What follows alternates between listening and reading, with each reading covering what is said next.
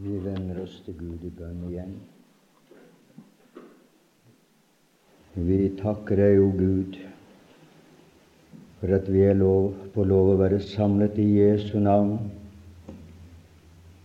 for å minnes den dagen da du oppstod fra det døde. Graven ikke kunne holde deg. Du stod opp, du lever. Du er hos oss i dag, for du har sagt hvor to og tre er samlet i ditt navn, der er du midt iblant dem. Takk for at vi kan regne med sannheten i ditt ord, at det er ikke fabler vi farer med, men det er sannheter at du lever, ja, at du lever og går i forbønn for oss. Ta så stunden i din hånd, må den bli deg til ære oss til gagn. Det ber vi om i Jesu Kristi navn. Amen. Vi skal lese med hverandre fra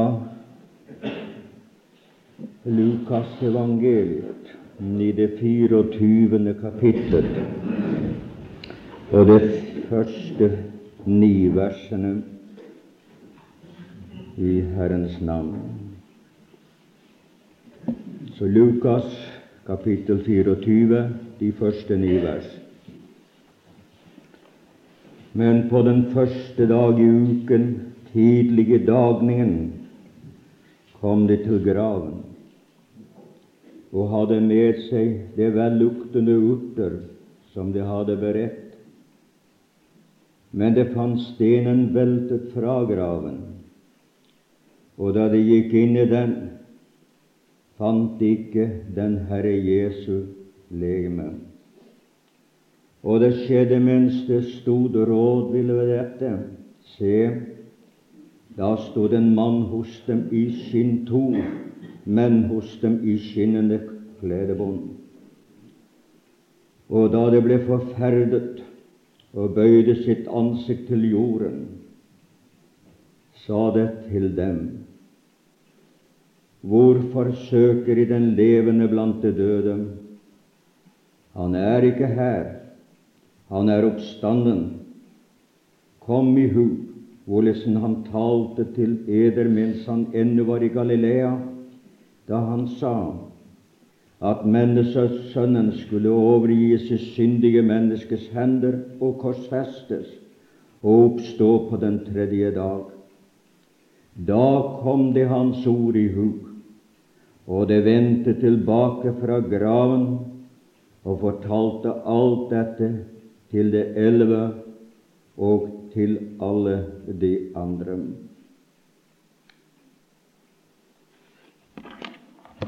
Det som jeg vil ha som hevn i denne ettermiddagsstund, blir det samme spørsmål som jeg hadde langfredag. Hva skjedde på langfredagen? Og prøvde å besvare det. I dag vil jeg stille dette spørsmål Hva skjedde påskemorgen? Jeg vil prøve å finne svar i Skriften for dette spørsmål at påskemorgen har ualminnelig stor betydning for oss som er kristne. Det er jo helt avgjort. Og når de mennesker og bekjennende kristne ikke tror på at Han er oppstanden, ja, da vet jeg virkelig enn ikke hvorfor de kaller seg kristne, og langt mindre hvorfor at de preker når de ikke tror det som står der. Da måtte det være bedre at de fant seg noe, et arbeid som de trodde på, istedenfor å neddrive. Nei, påskemorgen, da ombrant en ny dag med åndelig betydning og med åndelige verdier. En åndelig høytidsdag som var av så stor betydning at det er tyngden av apostlenes forkynnelse ble lagt på Jesu Kristi oppstandelse. Dette at Jesus Kristus var død, det har ikke verden noen ting imot. Det kan de godt tåle å høre. Det har Kristi fiender er vel tilfreds med det, at han døde. Men nevn at han oppstod fra det døde. Se da, da er de motstandere. Og en død Kristus er ingen verdi for oss med mindre han oppstod. Det veldige ting som ble gjort i Kristi død, får sin verdi ved hans oppstandelse. I det at han ved sin oppstandede ble godt gjort at han var Guds veldige sønn. Så viktig er det, så fundamental er disse sannheter, at hele kristendommen står og faller på Kristi oppstandelse. Det er den eneste religion i verden som har en oppstanden grunnlegger. Alle de andre grunnleggere de er døde, og deres religion er døde religioner. Men Kristus er en oppstanden frelser, og vi har en levende religion fordi vi har en levende frelser. Jeg er betydningsfull. Det ble Herrens seiersdag, den avgjørende seier, at han da hadde avvæpnet makterne og myndighetene, at han hadde oppfylt profetiene, at han hadde godtgjort at han var den han var. Og hvor stort og vidunderlig er ikke dette? Det er fundamentale sannhet, det som skal være grunnlaget for vår frelse, at han lever i dag, at han er hos oss, at vi kan regne med ham, en vidunderlig, seirende frelser med all makt i himmelen og med all makt på jorden, som ville ha all makt i våre hjerter. Så det er der det er spørsmålet om han får det. Får han all makt i våre hjerter, så forherliger vi hans navn. Får han ikke den plass som at han skulle og ville ha, så vil vi vanære ham, og det er kristendommen og han lite tjent med. Dette at han er Herre, ved at han er oppstanden fra det døde. Påskemorgen, da ble førstegrødens kornbånd svunget for Herrens åsyn i tempelet tidlig om morgenen i solrenningen. Det var bygghøstens kornbånd, for bygghøsten begynte efter påske. Da var det begynnelsen, og så var det en sammenhengende eh, innhøstningstid helt til pinse. Så påske og pinse hører sammen, er knyttet sammen i det at det var en innhøstningstid. Og ved pinse har vi hvetehøsten. Og den, da avsluttet den, eller så å si når kornbåndet der, da kunne de begynne å, å høste. Således er det òg denne kornbåndet. I det øyeblikk da ypperste presten stod og svinget førstegrøtens kornbånd, da var det at Jesus Kristus oppstod fra det døde. For han oppstod til morgenrenning i den solen gikk opp. Han som er rettferdighetens sol, og skal åpenbare seg som sådan og i sin åpenbarelse. Hvorfor stod ypperste presten der og svunget? Fordi han var et forbilde på Jesus som ypperste prest. Men det er jo Melkesedek som er forbildet på Jesu Kristi ypperste prest i nådens husholdning. Når denne svingningen, så er det for at sannheten om Jesu oppstandelse det skal gå ut til høyre, det skal gå ut til verde, venstre, det skal nå hele verden. For deri ligger budskapet og kraften i evangeliet som Helligånden vil trykke på at Jesus Kristus lever. Han er nøklene til døden og til dødsriket. Men det var to andre ofringer som vi også hører om, og det var løfteboven, bogen og svinge brystet. Svinge brystet, i brystet, der ligger hjertet. Og svingebrystet, det skulle også svinges på samme måte, sådan eh, som kornbånd, førstegrødens kornbånd. Men derimot løftebogen, bogen bærer jo er den bærende, hører med til bærende avsnitt av et dyr. Den skulle løftes opp. Hva er det? Og der er korsets evangelium. Og man gjør korsets tegn. Og hva er sannhetene der? Hans kjærlighet skulle forkynnes over hele verden. Så har Gud gitt sin enbårne sønn for at hver den som tror på ham, ikke skal fortapes med å ha et evig liv. Og disse som får lov å tro sannheten, de skal han få lov å løfte opp til herlighet.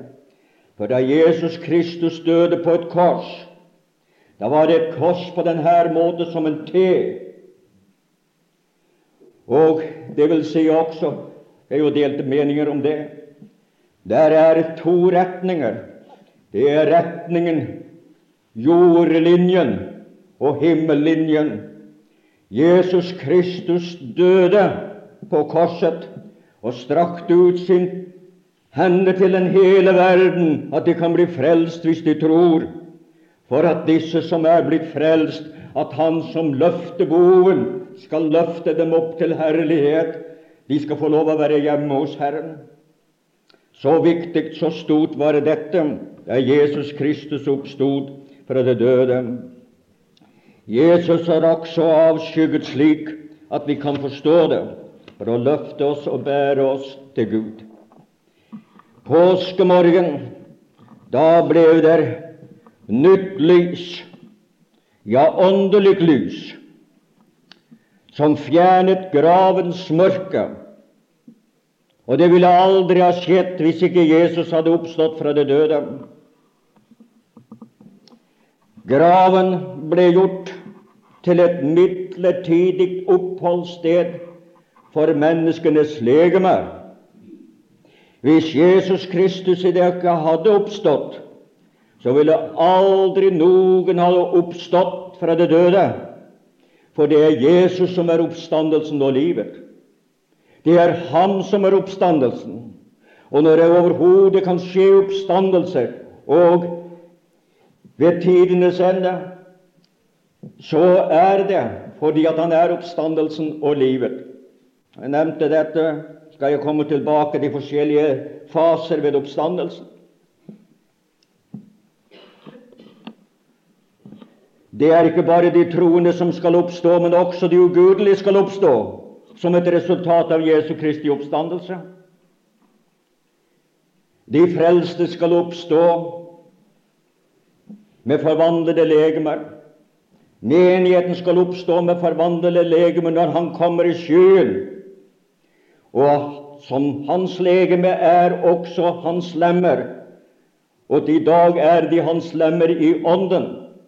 Det er vår ånd som er lemmet på Kristi legeme, det er ikke vårt legeme. Og derfor, vår, derfor er vår ånd blitt levendegjort til Kristus og er sammen med Kristus. Og når Han kommer og har sitt legeme, de åndene som tilhører legemet, og vår ånd som er frelst, da er det at vi ved Helligånden blir bortyrket. Og da er jo vi blitt forvandlet, således at da får de sitt legeme når de, deres ånd forenes med deres oppstandelseslegeme. Og vi som er blitt forvandlet, blir også delaktiggjorte. Og så skal vi alltid være med Herren. Det er menighetens oppstandelse. Menigheten som en førstegrøde. Det var den førstegrøde i den gamle pakt. Den nevnte om dem som oppstod av Jesus Kristus, men ikke gikk ut av gravene før ved hans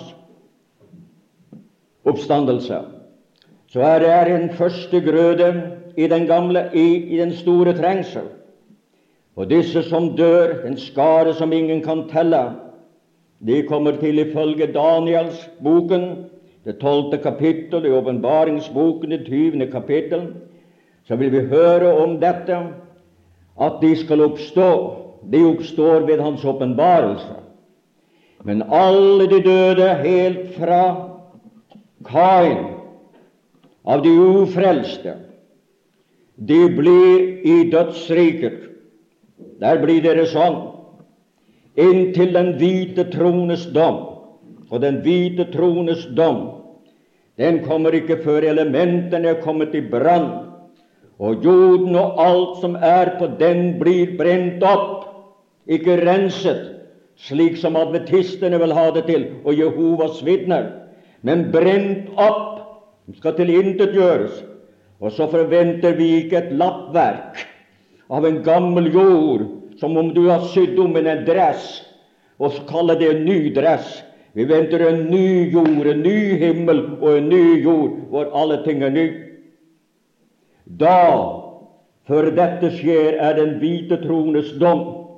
Og der blir alle dem som har dødd helt fra Kain og til den siste i dødsrik, til den siste i det tusende år, da blir de dømt og alle dem som har dødd som syndere under tusenårsriket, og alle dem som ikke har sitt navn skrevet i livsens bok hos lammet. Således at det dødes oppstandelse, det er et resultat av Jesu Kristi oppstandelse. Og vi som er frelste, vi skal stå, og også alle dem skal oppstå skinnende, for noen skal skinne, noen, ja, noen skinner ett lys har månen, et annet lys har solen, et tredje lys har stjernene. Og sådan er det også med den de dødes oppstandelse. Gud er en lysende Gud.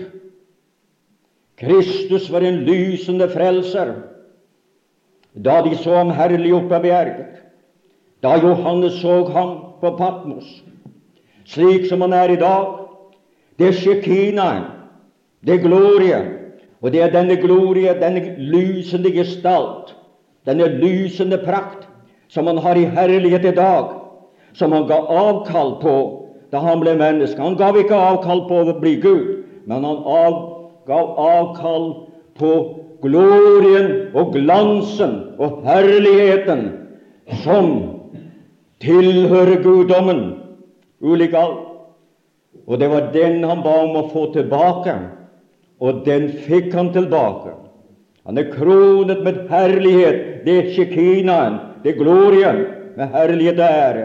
Ikke alene bare hans hode er omstrålet av glorie, men hele hans vesen, hele hans, hans menneskeri, for han er sant Gud og menneske, er omstrålt av det guddommelige.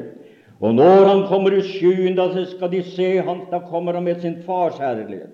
Den samme glorie og den samme glans som Faderen har. Menneskene har hørt forkynnelsen og ordet om korset, og de vil ikke tro.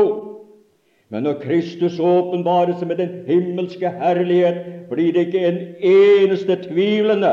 Alle er overbevist at Han som har sårene, han har Guds glorie over seg. Det er Han som er verdens frelser. Så har vi også nevnt litt, og andre har nevnt det samme, hvordan at Hvert kne skal på kne, hvert menneske eller hver sjel skal bøye seg. Noe til erkjennelse. De frelste, de har bekjent, de har bøyd seg før. Deres synder er gått forut til doms, og de bøyer seg her og tilbeder ham. Men den som ikke vil her, må erkjenne en gang at han er fader, at han er Herre til Guds Faders ære. Han er nøkkelmannen han har nøklene til døden og til dødsriket. Og de frelste, de går inn ved ham, og det er vidunderlig og stort. Men en videre på påskemorgen, da var det at Den hellige ånd oppvakte Jesu Kristi legeme fra det døde. Det var Den hellige ånd som gjorde det. Faderen ga ham, Ånden oppvakte ham. La oss se hva det står i Romerbrevet til 8. kapittel og det 11. vers. Men dersom Hans ånd, altså Guds ånd, som oppvakte Jesus fra det døde, bor i eder,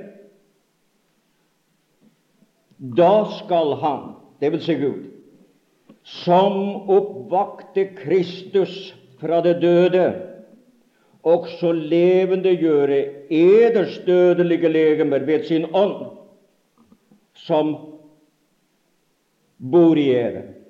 Jeg leser det igjen. Men dersom Hans ånd, det er Helligånden, som oppvakte Jesus fra det døde, bor i eder, da skal Han, dvs. Si Gud, som oppvakte Kristus fra det døde, men han gjorde det ved Helligånden, også levende gjør eders dødelige legemer ved sin ånd, som er i det. Det er Ånden som er liv. Kjødet gav den ikke. Det er Ånden. Det kalles livets ånd. Og da Gud hadde skapt alt, og det ikke var noe liv, da svevde Guds ånd over vannene før det tørre kom. Svevede. Og i grunnspråket skal betydningen være slik som en fugl ruger over sitt rede, legger seg ned for å ruke. Det var for å fremkalle det. Og da Adam ble skapt, da stod Gud modell. La oss gjøre mennesker i vårt bilde. Da stod han modell. Og alt er blevet til, og Jesus skapte. Og så ble livets ånd, der er Den hellige ånd, innblåst i menneskers indre, og det ble en levende sjel. Dette levende forhold, denne åndens meddelelse og denne åndens forbindelse, ble tapt i syndefallet. Det er det vi får tilbake når Ånden tar bolig i menneskehjertet. Sådan er forholdene der. Nå forkynnes det der så veldig meget i vår tid, og jeg anser det for å være en meget farlig forkynnelse. Jeg holdt den i ti år og måtte forlate den. Og Det gjør man ikke uten som man er overbevist om at helbredelse skjer ved Jesu blod. Og hvis det var tilfellet, så siterer de det skriftstedet dette at de har fått legedom ved hans sår. Men i Johannes, nei, men i apostelen, vi hører om da Jesus helbreder det. Eh, eh, ja, Peters svigermor, så var det en hel del mennesker som kom, og han helbredet alle syke og alle besatte for at det skulle oppfylles, det som stod i profeten Esaias 53, og at vi har fått legedom ved hans sår. Der var det den fysiske. Det var tre år før korset hvor det ble oppfylt når det gjaldt legemet. Men så omtaler jeg tror det er Peter som omtaler hvor at vi har fått legedom ved hans sår. Og da er det tale om Ånden. Da er det menneskeånden. Nå skal du høre her. Det er som at det var Jesu blod. Jeg vet at jeg tror på Jesu blod. Det er visst ikke noen som tviler på det, at jeg tror på Jesu blod. Men vi skal plassere det der hvor det hører hjemme.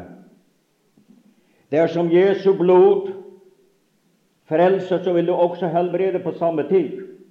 Dersom Jesu blod vil det også frelse på samme tid. Men Han som har skapt legemet, behøver ikke å dø for legemet. Men mennesket hadde en udødelig sjel, for sjelen er fra Gud, legemet er fra jorden. Ja, måtte han dø for det innvortes mennesket for å frelse dem. Og Derfor er det at det er vår ånd som blir levendegjort. Det er vår ånd som blir helbredet i det øyeblikk at vi blir nye skapninger i Kristus Jesus. For det kan man bli, og enda være syk nesten inntil døden. Menneskene var syke og ha en sunn sjel. Det er helt sikkert dette.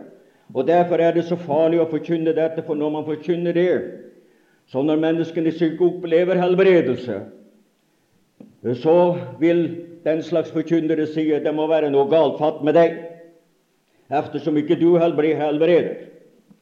Og det er noe som djevelen liker å høre, det, at Guds barn blir anklaget.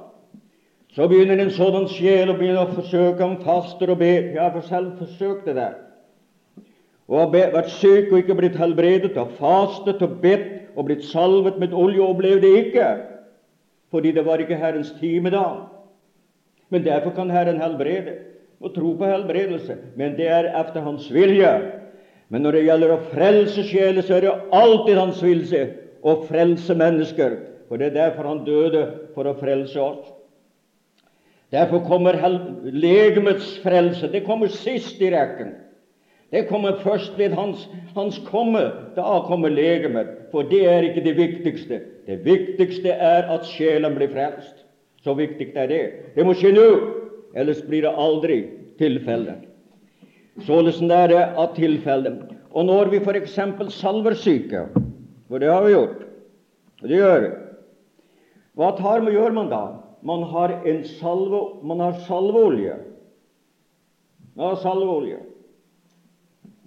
Og hvorfor salmer man? Fordi salven er en bilde av Den hellige ånd. Det er en bekjennelse av at det er Den hellige ånd som skal gjøre det, efter Guds vilje for han vet meget mer enn vi vet. Jeg får gå videre igjen, for ellers så blir det helst kunne jeg sagt mer om det.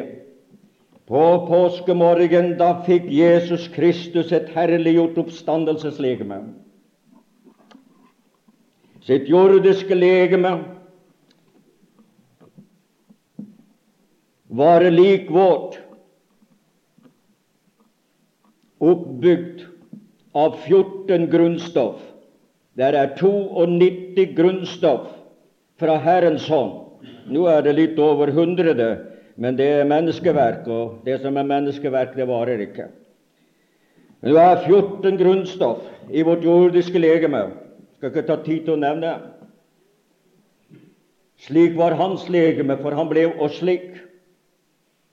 Hans forvandlede legeme er uten jordisk, materielt grunnstoff.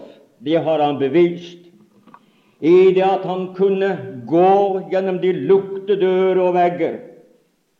I det at han kunne spise, men han kunne spise altså et merkelig legeme. Et herlig legeme, Herliges legeme. Han kunne spise honning, han kunne spise fisk. Og så forsvant han. Og hvor ble det av honningen, og hvor ble det av fisken? delaktiggjort i Hans herlighet, forvandlet. Altså ingen avfallsprodukter, kommet inn under Guds mirakel, åpenbarelse og meddelelse. Der beviser det at hans, jordes, at hans herlighetslegeme det var et forvandlet legeme. Det var himmelske legeme, for det er omtalt at det er jordiske legemer, himmelske legemer. En ånd har et legeme men det er ikke et fysisk legeme. Disse engler som viste som vi leste, det kom som to unge menn.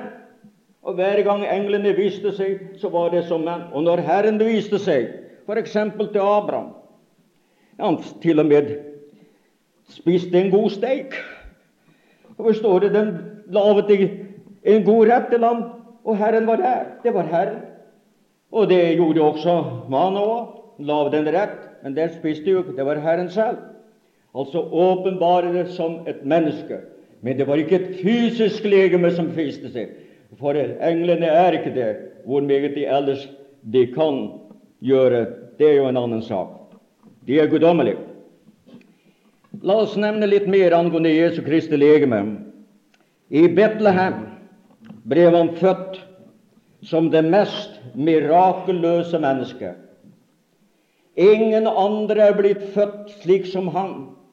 Et mirakelmenneske var han. Og vi skal få lov å tro og regne med det, at han var det. Sant Gud og sant menneske, født av en jomfru. Nå er det blitt oversatt i den amerikanske bibel, siste, hvor det, da den ble skrevet, var det ikke en eneste bibeltro professor med, bare rasjonalister. Og så er det oversatt, og det skal det visst bli kjempesvært håp å få det oversatt slik i vår bibel, at en ung kvinne skal bli fruktsommelig og føde en sønn. Det er som venn ikke noe mirakel, det. Det skjer hele tiden, dette. Men at en jomfru skal bli fruktsommelig og føde en sønn, det var mirakel. Det vil jeg ha bort. Det passer ikke vantroens menneske. Han var det mest mirakuløse. I tre år var han det mest prøvede menneske, prøvet i alt, i likhet med oss, dog uten synd.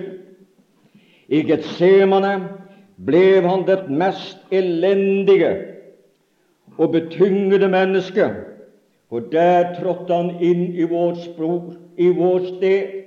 Der ble han oss i vårt sted, for at synden skulle legges, all vår synd skulle legges på ham, og han skulle bære det opp på korset. Det ble lagt på ham i Getsemane, og derfra bar han straffen og skylden inntil at han døde for oss på Golgatas kors. I Getsemane var det. På Golgata, på Gabata, hos Pilatus, ble han det mest vanærede mennesket. Han ble hånet på alle tenkelige måter, og han ble korsfestet som røvernes konge. Det var just det som det var. Det var et spørsmål om Barabbas. Og Barabbas, vet du hva han hette? Han hette Jesus. Jesus Barabbas. Det har i flere oversettelser. Det står slik i Pesito-oversettelsen, den syriske oversettelsen. Det står i flere oversettelser dette Jesus Barabbas. Det var to Jesuser det ble spørsmål. En røver som heter Jesus, en frelser som heter Jesus. Barabbas, Jesus Barabbas, gikk fri. Jeg hadde nesten tenkt meg, men jeg fikk ikke ledelse av Herren ånd. Ellers hadde jeg tenkt og talt over, over bar, Jesus Barabbas og Jesus Guds sønn. Men la oss gå videre i denne betraktning av Jesu legem. På Golgata ble han Guds eneste stedfortreder for menneskene. Guds eneste stedfortreder for meg. Og påskemorgen, da ble han det mest vidunderlige oppstandelsesmenneske som noensinne hadde trådt på vår jord. Lasarus oppstod, og han måtte dø. Andre oppstod, og de måtte dø. Men Jesus hadde et oppstandelseslegeme. Og Gud har i dag i himmelen. En triumf og en seier uten like. Et menneske sitter på tronen. Tenk! Et menneske sitter på tronen som er sant menneske, samtidig som han er sant Gud. Og hvilken triumf! For at Gud skulle få lov å bringe en utellelig skare i kraft av lammets blod og Kristi oppstandelse og forvandling føre dem til himmelen. Himmelen skulle bli fylt av Guds barn i kraft av Jesu Kristi oppstandelse. Å, vidunderlige seire dette er! I sannhet en stor seier. Men jeg får gå videre. Påskemorgen Da ble det sikret ved hans oppstandelse alle de rettigheter som var tapt. Det tapte rettigheter i Adam ble vunnet tilbake. Priset være Gud. En ny fødsel, for de har fått en ny stamfar som hadde brakt inn et nytt liv. For vi er gjenfødt til et levende håp ved Jesu Kristi oppstandelse. Da skulle det gamle bli forganget, da skulle alt sammen bli nytt. Men jeg må ha enda litt mer. Påskemorgen, da ble det flyttedag i dødsriket. Flyttedag i dødsriket. Flyttedag, det pleier å være en nokså begivenhetsfull dag når man flytter. For alle dem som oppstod først, for alle dem som oppstod sammen da Jesus døde da oppstod det. Mange av de døde oppsto. Men de gikk ut sammen med ham. Det var martyrskaren på hans oppstandelse. flyttedag i dødsrik. Og i kraft av Jesu oppstandelse så er det dekket over der er et, et, som ikke er helt klart, ikke for meg, da. Men én ting er sikkert. Da han for til himmelens, hans himmelfart, da bortførte han fanger. Og hvilke fanger var det? Det var det dem som i frykt døden kan lese i, i, i Hebreabrevet i annet kapittel. Det var dem som var av frykt forbundet, disse som har dødd i tro, men ikke oppnådd løftene. Nå var gjelden betalt, nå var skylden sonet, nå var seier vunnet, nå hadde han vært der, proklamert for de ugudelige som levde på Noas tid, men predikt evangeliet, for evangeliet ble predikt for døde, så at de nok skulle dømmes som mennesker i kjødet. Det er jo da dommen gjelder, det som er gjort i kjødet, men leve som Gud i ånden.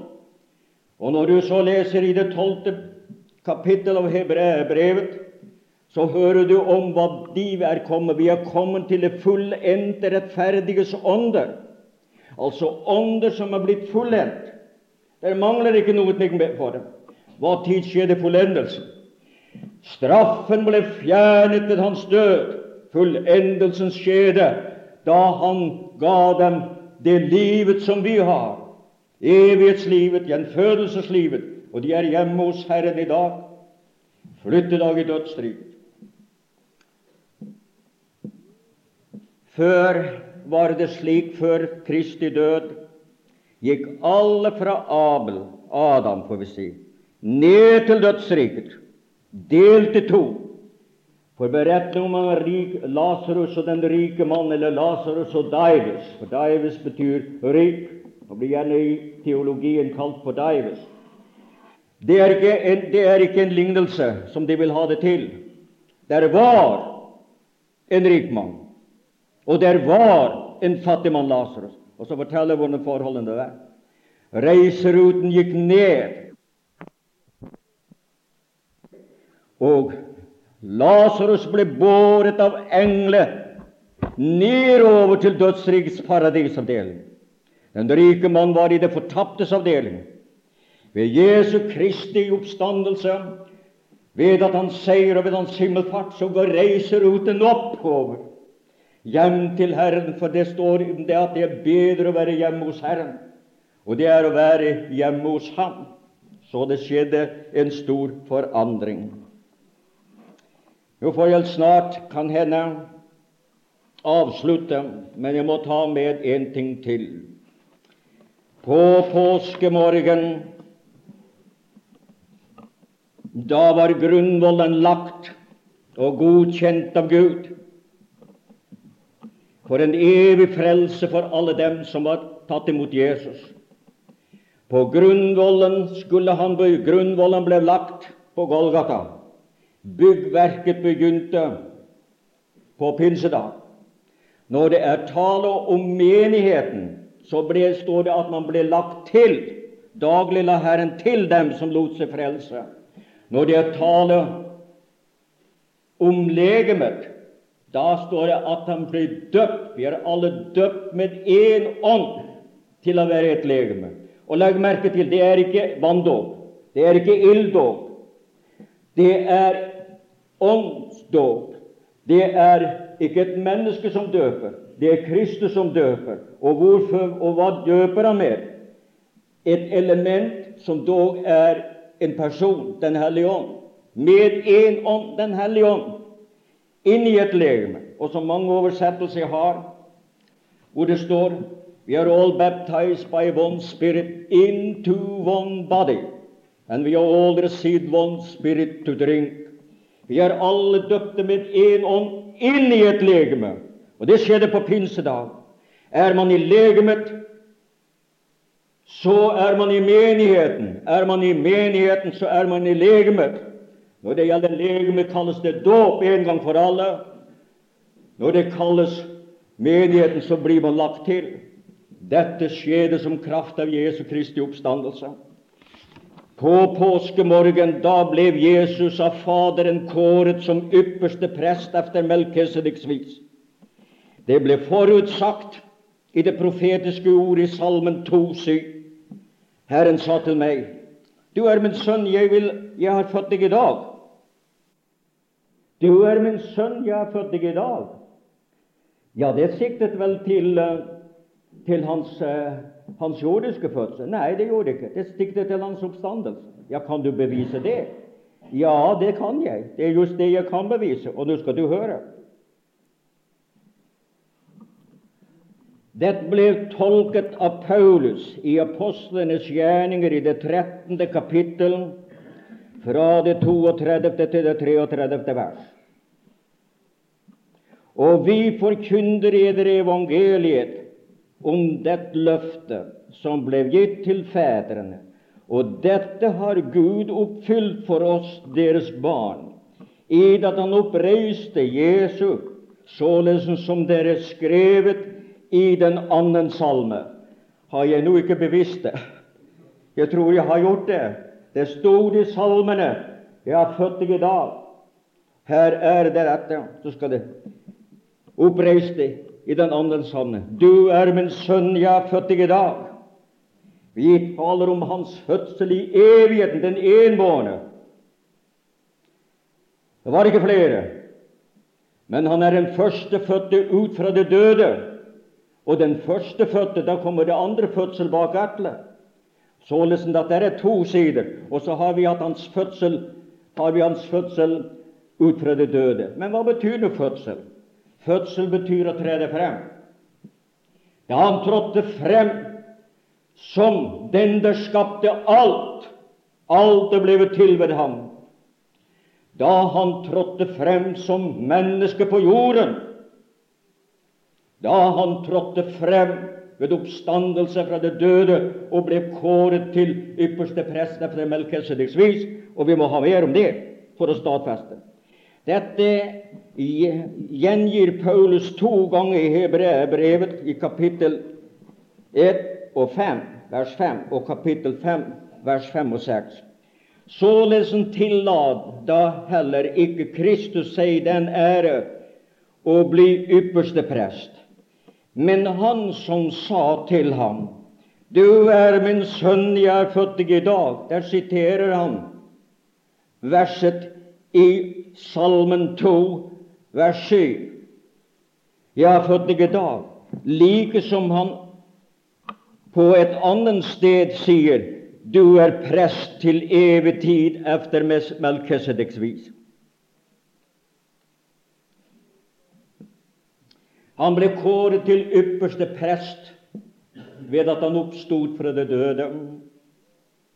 Også Messias. Nå har han, han har tre embeter. Han er prest, han var profet og gav oss begynnelsen av Det nye testamentet. Inspirerte resten av Den hellige ånd og avsluttet det ved Johannes. Og da har vi hele Bibelen. Han er prest etter Melkesedeks vis, et udødelig presteskap i dag, fra pinsedag og inntil han kommer skyld. Han skal være konge når han kommer åpenbares og kommer tilbake. Da skal han beseire alt ugudelig, og så skal han være konge. Begjæra meg og jeg gi det hedningene til arv, og jorden sender til leie. Det er også en profeti i den annen salme. Dette var altså noe av det som står i forbindelsen med at vi har Jesus Kristi, Jesus en oppstanden, og at han er en ypperste prest i dag. Og der sitter han på et fullbrakt verk på Golgata. Der sitter Faderen ved hans side, og det er nok for Faderen og Sønnen, og det skulle være nok for oss og vi har i ham, likedan som at alle er blitt syndere og falt i Adam, så ved troen på Kristus er vi en ny stamfar. Og som stamfaren er, så er slekten. Sådan er vi, for vi Han er oss i vårt sted. Hans dyder tilregnes oss. Hans liv er vårt liv. Alt sammen har vi i Kristus Jesus. Det er noe av seieren som ble vunnet da Jesus Kristus oppstod fra det døde. En herlig seier, en vidrekkende seier. Nedover, oppover, utover, innover, i hjertene og frem og inn i evighetene skal denne dagen ha virkning for alle mennesker som har levd, enten til fortapelse eller til frelse, eftersom de har tatt imot eller ikke. Må så du, Herre Jesus, med ditt ord og med din ånd gjøre det klart, hvis det er noe som er uklart, at den veldige seier og den veldige kraft som du demonstrerte på din sønn da Den hellige ånd oppvakte ham fra det døde. Takk for at vi har en sådan ypperste prest som er beprøvet i alt, og nå lever for å gå i forbønn for oss. Vi tilbeder deg, vi priser deg, vi takker deg, o Gud, i Jesu Kristi navn. Amen.